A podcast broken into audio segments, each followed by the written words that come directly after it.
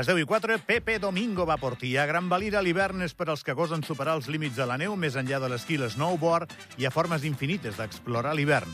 Les opcions que hi trobaràs a Gran Valira són variades i adaptades per a tots els públics. Recorre rutes nevades amb mushing, domina els camins amb motos de neu, explora els boscos amb raquetes de neu. Són moltes les activitats amb què posar a prova els límits de l'hivern a Gran Valira.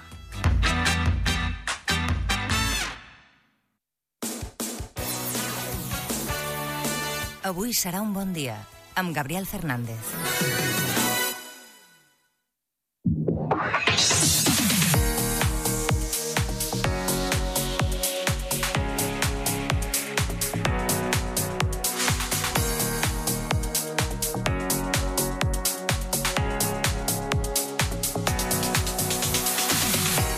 Deu i 5 minuts, gran moment pel matòmetre. Hola, Anna Mata. Oli, Oli, què tal? molt bé. Ahir, ahir, va passar, ahir va passar una cosa que ha de constar uh, en el matòmetre. Què va passar ahir? La tercera de les entrades que vaig repartir ahir al programa, que no sé si era per Inú o pel Palau de Gel, pel Palau de Gel era, no? Per Inú, per Inú. Era una, una senyora que tenia nom de refresc de taronja. O Boldina o, o, o, o Blondina. Blondina, No li abra- canvis el nom un altre dia, perquè Una abraçada des d'aquí, un petonet, una estimada i gràcies per escoltar-nos. I no li tinguis en compte la meva memòria perquè és així. Em vaig quedar només amb el, amb el, El concepte, momentazo. no amb el nom concret. I li vaig dir que havia de venir a recollir l'entrada per Inú i que en el moment de recollir-la aquí a la casa havia de donar una contrasenya. Porcuna campeón. Porcuna és el nostre tècnic de sol, l'estimadíssim mm. Ricard Porcuna, ídol de masses i, i, i persona que guia la nostra vida. Uh, I va venir i va dir Porcuna 21. Per cura 21. No. I llavors va passar que la persona que li havia de donar l'entrada era qui estava a la recepció de la casa en aquell moment, però no era la persona del matí, sinó la de la tarda. Llavors no sabia que havia d'aparèixer una senyora Que havia li de havia de dir. dir Porcuna campió ni Porcuna 21. I es va quedar molt sorprès perquè va dir Porcuna 21. I, a mi què? I a mi què m'expliques? Però havia de baixar el Ricard a donaré- donar-li les entrades, Sí, però no? dir... Bueno, hagués hagut de ser No així, van sí. traspassar la informació. La vida no és perfecta. Uh, perdoneu-me pel cachondeo, amics oients. A mi és que em van aquestes coses, no puc evitar-ho. La vida és més divertida, també, no?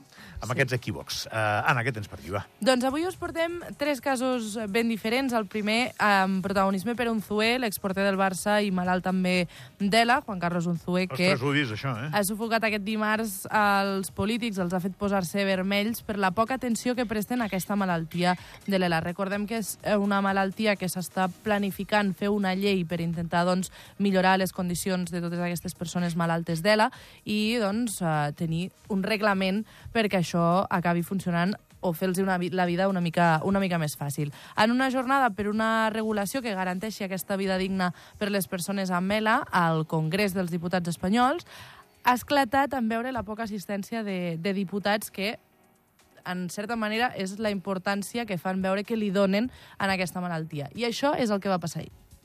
Lo que, que quisiera saber, María José, es cuántos diputados o diputadas hay en la sala. ¿Podéis levantar las manos?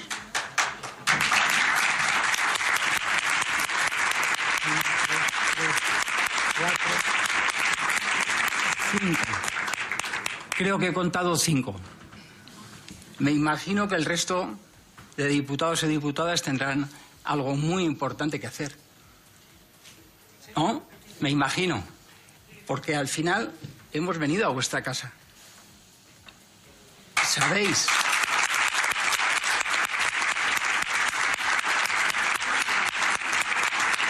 ¿Sabéis lo que ha costado a muchos de mis compañeros y compañeras estar aquí? Ya no solamente económicamente, sino de esfuerzo físico. Entonces, yo espero que como mínimo nos estén viendo por esas cámaras y si no nos están viendo, espero que esto quede grabado y nos escuchen. Y les voy a decir, ¿qué les pediría a ustedes? Pues les pediría voluntad y un poco de empatía. Voluntad para tramitar esta ley. ELA.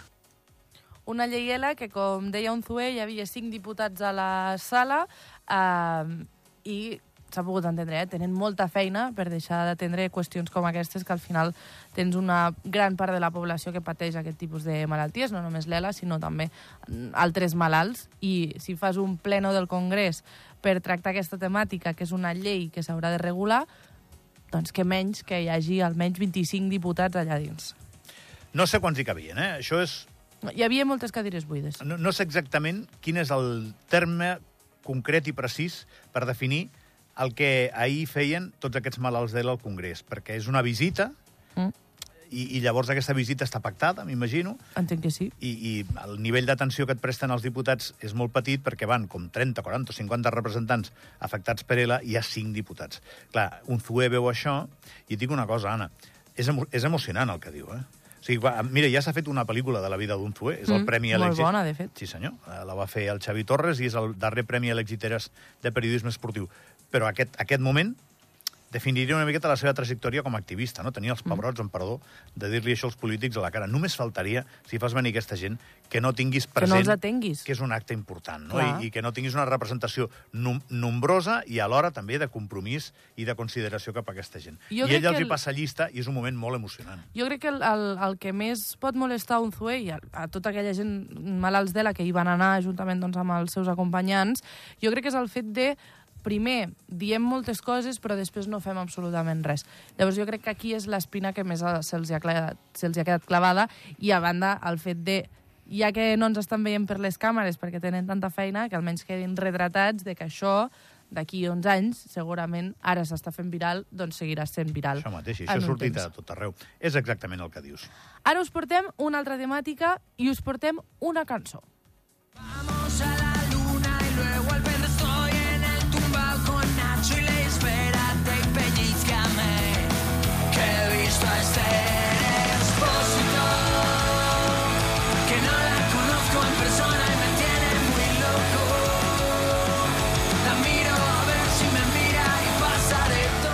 Et sona el cantant?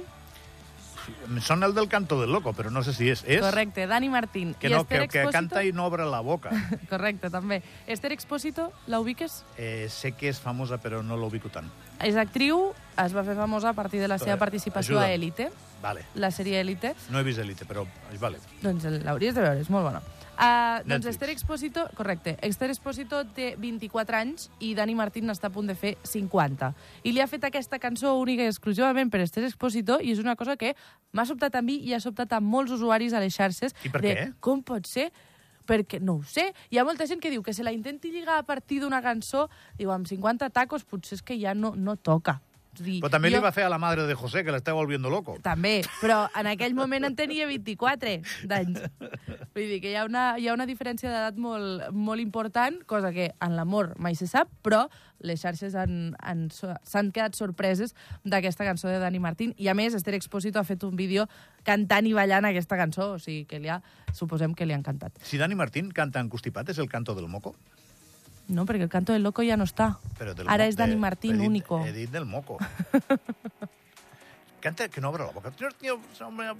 Loco, no obre la boca. Jo sóc molt fan de Dani Martín. Sí? Sí. Llavors obre més la boca, va. No, no, pots seguir cantant sense obrir la boca. Vull dir, no, no hi ha problema. És personal. Doncs sí, cadascú sí, sí, té... és, té el seu estil. Sí.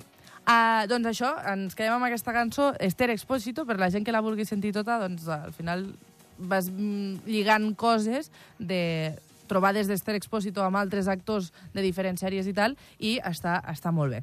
Per últim, us portem una empresa vinculada a ChatGPT que escaneja els ulls a centenars de persones en centres comercials de Barcelona Eh? i els ofereix l'entrada en una comunitat i criptomonedes. Sabem que el tema de les criptomonedes, del PayPal i totes aquestes coses cada dia doncs, està sent més està prenent més importància en el nostre dia a dia, doncs ara s'està potenciant el pagament a partir de l'iris ocular. D'aquest tema em van donar tots els detalls al programa La Tarda, a Catalunya Ràdio, amb el nom Escanejar l'iris a canvi de criptomonedes, sí o no? Es feien aquesta pregunta Sí o no? i jo no ho sé. Vull dir, al final és una cosa que ara mateix, amb, el, amb les noves tecnologies, amb els mòbils nous, per exemple, tu pots pagar amb la cara. És a dir, tens un, un escàner sempre. ID, no? No, home, clar, Per la cara, agafes i te'n vas. no és el cas. Però, per exemple, pots pagar amb, la, amb, amb, amb els dits, Ja o sigui, amb, amb, amb les Les no, empremtes em surt, les empremtes dactilars i també pots pagar doncs, amb la cara, no? perquè tens eh, associada la targeta de crèdit al mòbil i llavors només pitjant dos botons et veu que ets tu i tires pelante, no?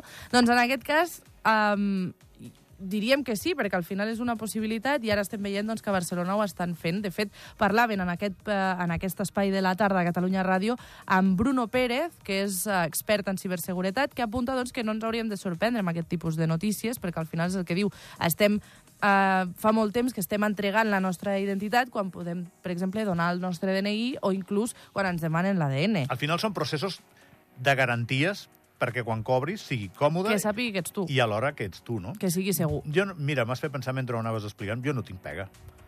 Jo tampoc, perquè al final jo ja a vegades ja et dic, eh, vull dir, al meu mòbil, per obrir-lo tinc la meva cara, vull dir, no... Des del primer dia que vaig comprar una entrada per un espectacle per internet, que aquell dia la, la meva vida va canviar. Totalment. Ja, cada evolució que em van proposant, doncs mira, una altra més, no? I entre això i lo del tema de les cookies a les pàgines web, o sigui, ho tenim tot per això, donat que ja. som, és que som pell, Anna Mata. Totalment. Si això té èxit, doncs eh, anirem a pagar i aniràs a comprar un plàtano i, i miraran l'ull. I això serà la nova manera de pagar. Aquest matí que parlaves de la ciberseguretat, de Sí. l'Agència Nacional, Sí.